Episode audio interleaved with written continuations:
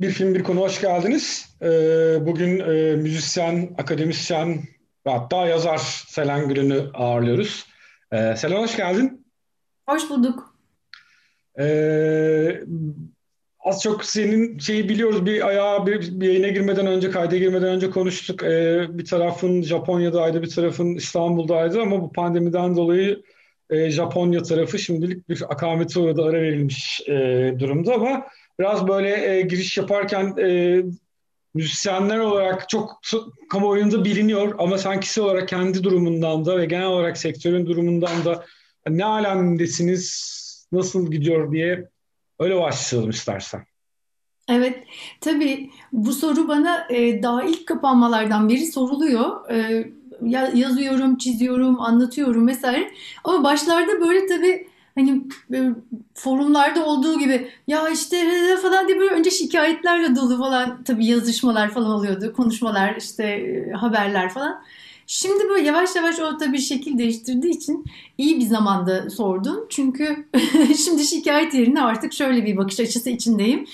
Ya bir dönem yaşıyoruz e, ve bunu eski hayatımız gibi asla yaşayamıyoruz. Yani bazı insanların mesela hayatında çok büyük zorlukları olmasına rağmen işine gücüne devam edebildi. Bizim bir kere iş açısından tamamıyla para kazanmak açısından bir karşılığı olmayan bir mesleğe dönüştü yaptığımız iş. Yavaş yavaş böyle bir tehlike altındaydık da zaten. E, benim anladığım toplum ilk bizi bıraktı zaten. Böyle şey oldu. Tamam müzisyenlere gerek yok zaten falan gibi böyle bir ilk bizi elemiş oldular sanırım. Çünkü işte barlar kapandı onlar bunlar o bilinen bir şey ama hani böyle bir heyecanla e, müzik gitmesin, yok olmasın falan gibi bir şikayet olmadığı için biz kendi içimize kapandık biraz. İşte çok üretken arkadaşlarımız da var. Evden sürekli bir şeyler üretiyor. E, şans eseri hani artık teknik olarak başka insanlara ulaşabiliyoruz dijital ortamdan işte kayıtlar yapabiliyoruz birlikte görsel bile olsa. E, dolayısıyla tarafa yöneldik ama tabii buradan para kazanamıyoruz. Yani henüz oradan bir çare bulunamadı. Bunun haricinde asıl işte bu terk edilmişlik hissinde şey var biraz. Ya ben bir kimlik için hayatım boyunca uğraşıyorum. Sonra o kimlik böyle meğersem yokmuş falan böyle çok içeriden bir şey yaşadık, darbe yaşadık yani. Hmm. İşte hatta demin e, başlarken seninle sohbet ederken söylediğim gibi yani bir çeşit tükenmişlik sendromu içindeyiz.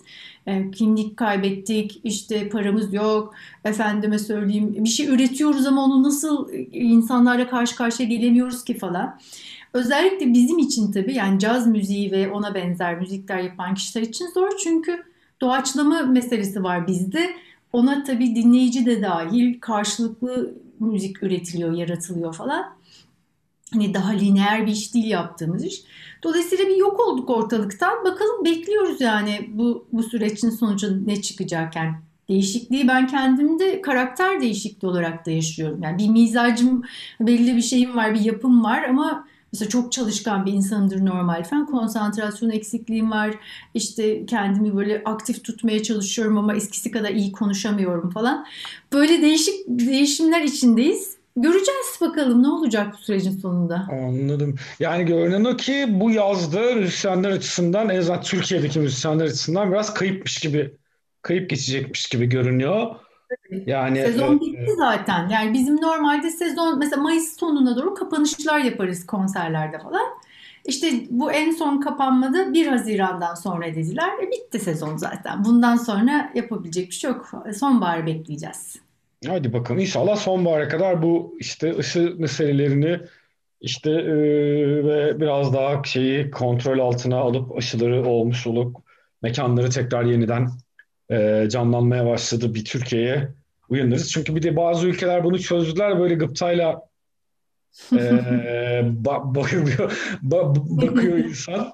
Yani o yüzden ben, ben futbol kendi futbol sevdiğim için mesela tribünleri böyle bazı ülkeler tribünleri açtılar böyle tribünlerde insanlar görmeye başlayınca falan böyle artık tamam hani yeter bir, bir şey sosyalleşelim kalabalıklar yeniden bir bir araya gelelim falan diye insan ister istemez istiyor. Peki ee, çok manidar bir film seçtin. Bence e, üzerine epey güzel, lezzetli sohbet edeceğiz. Ee, biraz öyle girelim. Hep öyle girilmesi istiyorum. Ben hani hangi filmi seçtin, neden seçtinden başlayarak e, böyle bir e, filmle ilgili sohbeti açalım. Tamam. Ee, ben Lost in Translation seçtim.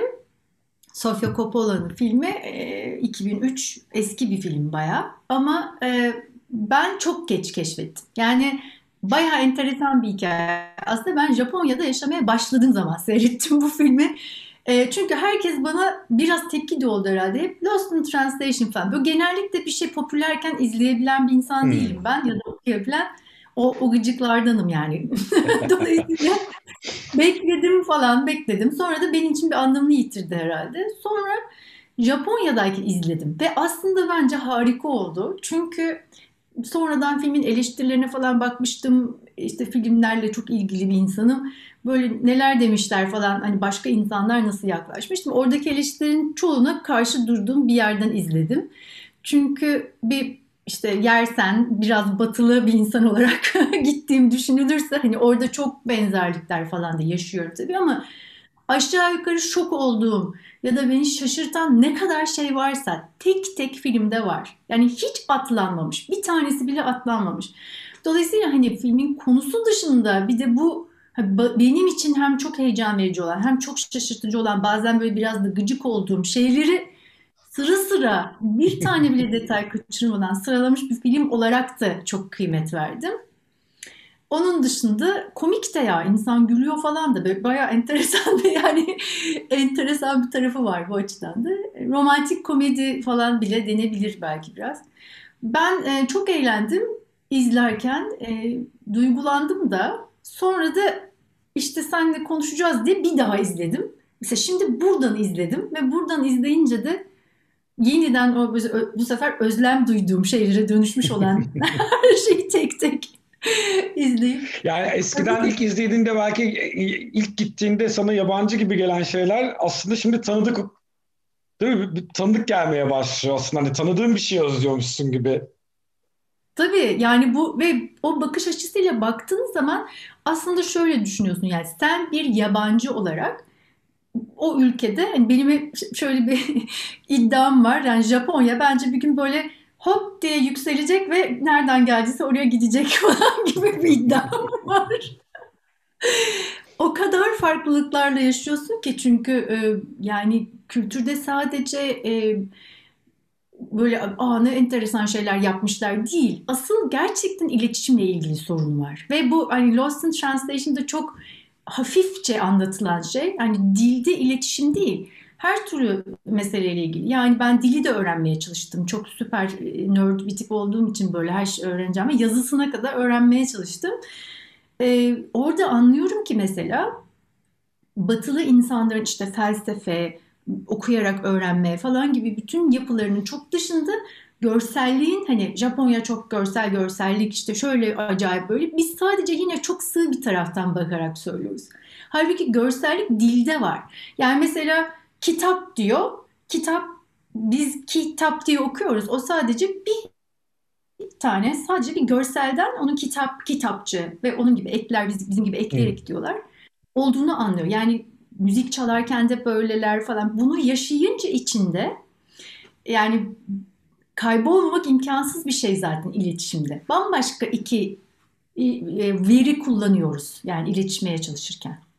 Bir de bana ilk izlediğimde de öyle gelmişti. Sonra e, konuşmak için tekrar izlediğimde sanki Japonya'dan filmin yaptığı şeylerden bir tanesi olsun. Japonya'dan başka bir yer olmazmış gibi. Yani hani o Lost in Translation anı sadece senin dediğin gibi yalnızca dil değil, kültürel olarak da o kadar farklı bir şey oturuyor ki hani tam böyle bir batılının buna mesela en çok böyle yaklaştığını hissettiğim, daha doğrusu bu hisse yakın olduğunu düşündüğüm filmlerden bir tanesi Woody Allen'daki Christina Barcelona'sında o Amerikalıların o Akdenizlilikle hemhal olmaya başladığında yaşadıkları travma gelir hep. Yani yine Scarlett Johansson mesela o böyle bütün o sarışın Amerikalılığıyla böyle ortada şirin şirin şirin gezer ama böyle hani Penelope Cruz gelip bütün o Akdenizli'yi ortada darmadağın ettiğinde böyle kalır ortada yani. Hani ne yapacağını, elini nereye koyacağını kestiremez bir türlü. E, Bu kadınsa ben değilim falan gibi bir şey tabii. Evet, yani o, o Akdenizli şeyinin karşısında o Amerikan soyu, soğukluğu darmadağın olur kızcağız. Hani bütün o güzelliğine rağmen diş geçiremez gibi. Ama burada çok şey var böyle. Hani bir de gerçekten e, dün tekrar bakınca da böyle çok iyi kast. Hı hı, yani gerçekten bilmiyorum çok iyi oyuncu. Yani o ilk başlarda tamamen yüzüyle oynuyor yani hoşnutsuzluğunu, tatminsizliğini, merakını böyle her şeyini yüzüyle e, oynuyor. E, öyle bir şey var yani çok iyi gözlemlenmiş. Ona katılıyorum ben de. Hani o e, çok iyi anekdotları, ayrıntıları çok iyi tasarlanmış, çok iyi gözlemlenmiş ve çok iyi birbirine yedirilmiş bir şey. Hatta şimdi üzerine başka filmleri de izlemiş olmama rağmen hatta işte Sofia Coppola'nın en iyi filmi bu mudur acaba diye bir kez daha kendim evet. kendimce düşündüm. Yani şimdi burada mesela beni çok etkilen şeylerden birisi Bill Murray seçimi de olmuştu. Çünkü tam olarak bu söylediğin sebepten. Şimdi Japonya'da yaşadığın zaman o insanlarla birlikte en fark ettiğin şeylerden birisi. Yani emojinin de zaten kahramanları onlar biliyorsun. Yani duygusal gözlerden e, o e, genel ifadeden, yüz ifadesinden. Bizde de özellikle hani Akdenizlikten gelen o kaş göz oynar hemen her şeyi anlarız. Yapma canım falan böyle bir kaş gözle anlatırız ya. Hiç öyle bir şey yok tabii. Yani dolayısıyla onlar seni okuyamıyor. Sen onları okuyamıyorsun. Yani sen mesela çok basitçe bir şey olur mu canım falan gibi bir hareket yapıyorsun. Hiçbir karşılığı yok onun. Dolayısıyla şimdi Bill Murray'nin o hani kaş özellikle onun gibi bir insanı buraya koymak. Zaten ben o zaman merak ettiğimde işte filmle ilgili bir sürü detayı nasıl çekmiş, ne zaman gelmiş falan peşinde senelerce bir sene falan koşmuş Bill Murray'i bu filmi alabilmek için. Çünkü tam dediğin gibi en doğru karakter. Yani o çünkü böyle tek bir kaş hareketiyle dünyayı anlatıyor ama orada hiç karşılığı yok. Hani dolayısıyla Lost in Translation yani sadece bunda da mimiklerde, o genel duygu aktarımında mesela filmin bir sahnesinde şey var ben ona o zaman da çok gülmüştüm. Şimdi daha çok gülüyorum. E, filmin bir sahnesinde intensity falan diye anlatmaya çalışıyorlar. Böyle böyle çok duygularla böyle çok yoğun falan diyorlar. Ya adam zaten tek yapabildiği şey bu yani. Ama aslında onu anlatmıyor o da işte. Yani duygusal olarak ne demeye çalıştığını çözmen imkanlı bir şey değil intensity'den ne diyor. Çünkü kendinde yok ki öyle bir anlatım yok yani. Dolayısıyla bunlarla dolu olduğu için film yani beni aslında en çok güldüren kısmı bu minik detaylarda. Hani şimdi e, şey diye eleştirildiğini tahmin ediyorum filmin. İşte Japonlar da çok tavrumar edilmiş canım bu kadar da şey insanlar değil falan. Ama aslında onu anlatmaya çalışmadığını düşünüyorum filmin. Yani gerçekten kültürel farklılıklardan doğan bir şey anlatmaya çalışıyor. Yani Japonlar da böyle kendini komik duruma düşürüyorlar diye bir durum yok. Zaten sen düşüyorsun komik duruma. Sürekli komik duruma düşüyorsun evet. yani. Yani orada aslında komik duruma düşen karakter işte hani Bill Murray ile Scarlett Johansson'ın oynadığı karakterler. Yani onların özellikle Bill Murray'nin karakterini sürekli komik duruma düşüşünü görüyoruz. Diğerleri evet. aslında kendi doğallarında davranıyorlar. Yani kendi olmaları gerektiği gibi davranıyorlar. Onlar açısından bir şeye düşme e, hali söz konusu değil. Bir komik durumu düşme hali söz konusu değil. Bir de şeyi de iyi yapıyor. Yani mesela e, ben mesela İngilizce konuşurken yani çok iyi değildir İngilizcem gerçi. Bir de aksan şeyi vardır ya. Evet. Yani mesela dille ilgili o aksanı bir, bir türlü karşı tarafa geçememesi, o, onun işte başka türlü bir şey söylerken başka türlü bir şey anlaşılması falan hani tam bir yani gerçekten isminin hakkını bu kadar iyi veren e, bu arada Türkçe adının da bir konuşabilse e, olduğunu şey yaptım. Ben mesela e, biraz belki onunla ilgili bir şey söylemek istersin. Bir konuşabilsenin de aslında e, iki kültür arasındaki gerilime değil, daha çok iki karakter arasındaki gerilime dair bir Hı. anlam ifade ettiğini düşünürüm hep. Mesela. Evet doğru. çok, çok güzeldi. O anlamda çok güzel bir çeviri olmuş o zaman. Çünkü bu filmde de hani aslında ana karakterler arasındaki o platonik aşk hikayesinde de bir aslında konuşamıyorlar ya birbirlerinde. Sonunda da böyle bir e, filmin sonunda da aslında işte kulağına eğilip bir şeyler söylüyor biz bilmiyoruz ne söylüyor falan. Yani aslında ona güzel bir gönderme olabilir daha derinliğine düşünülürse. Hoş bir şey olmuş çevirisi. Evet. Peki bir taraftan da filmin bir aşk hikayesi yani. O ona da dair, o taraflara dair nasıl bir şey e, ne, ne düşünüyorsun? Sen şimdi bunu konuşmak istiyorsun bence. Ben onu anladım. Yok. Peki, hani, ama bir şey bir tarafı var yani hani e, dediğim gibi böyle 45 plus erkekler için bir guilty pleasure e, filmi olabilir gibiymiş. Onu anladım evet. tekrar izlediğimde. çok çok doğru. Burada e, benim o da mesela çok heyecanlandırmıştı. Çünkü e, Murray işte bu orta yaş krizine girmiş bir erkek ve biraz da mesleğini kaybetmiş.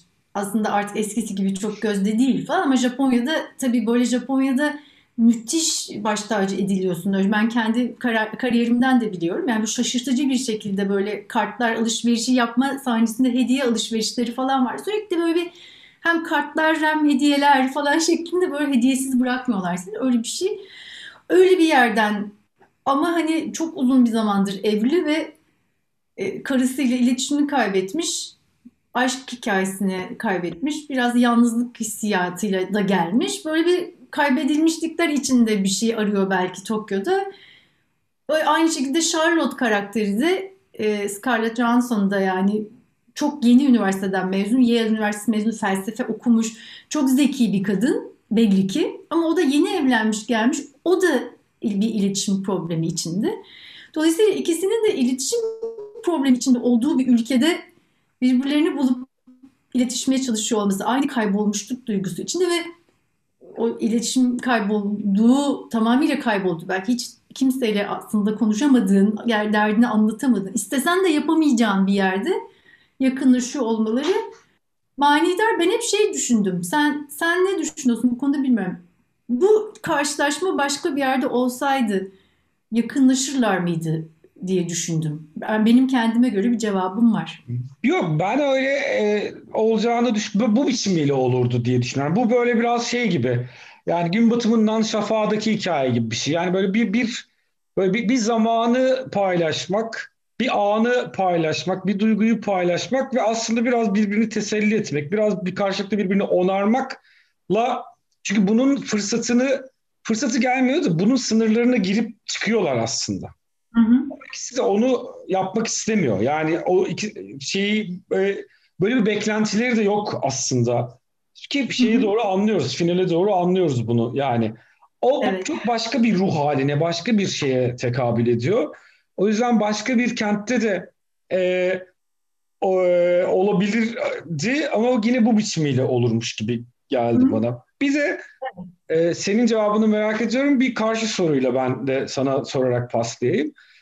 20'li yaşlarında izlediğimde e, bu film bana mesela daha Scarlett Johansson'un filmiymiş gibi geldi. Şimdi 40'lı yaşlarında izlediğimde Bill Murray'nin filmiymiş gibi geldi.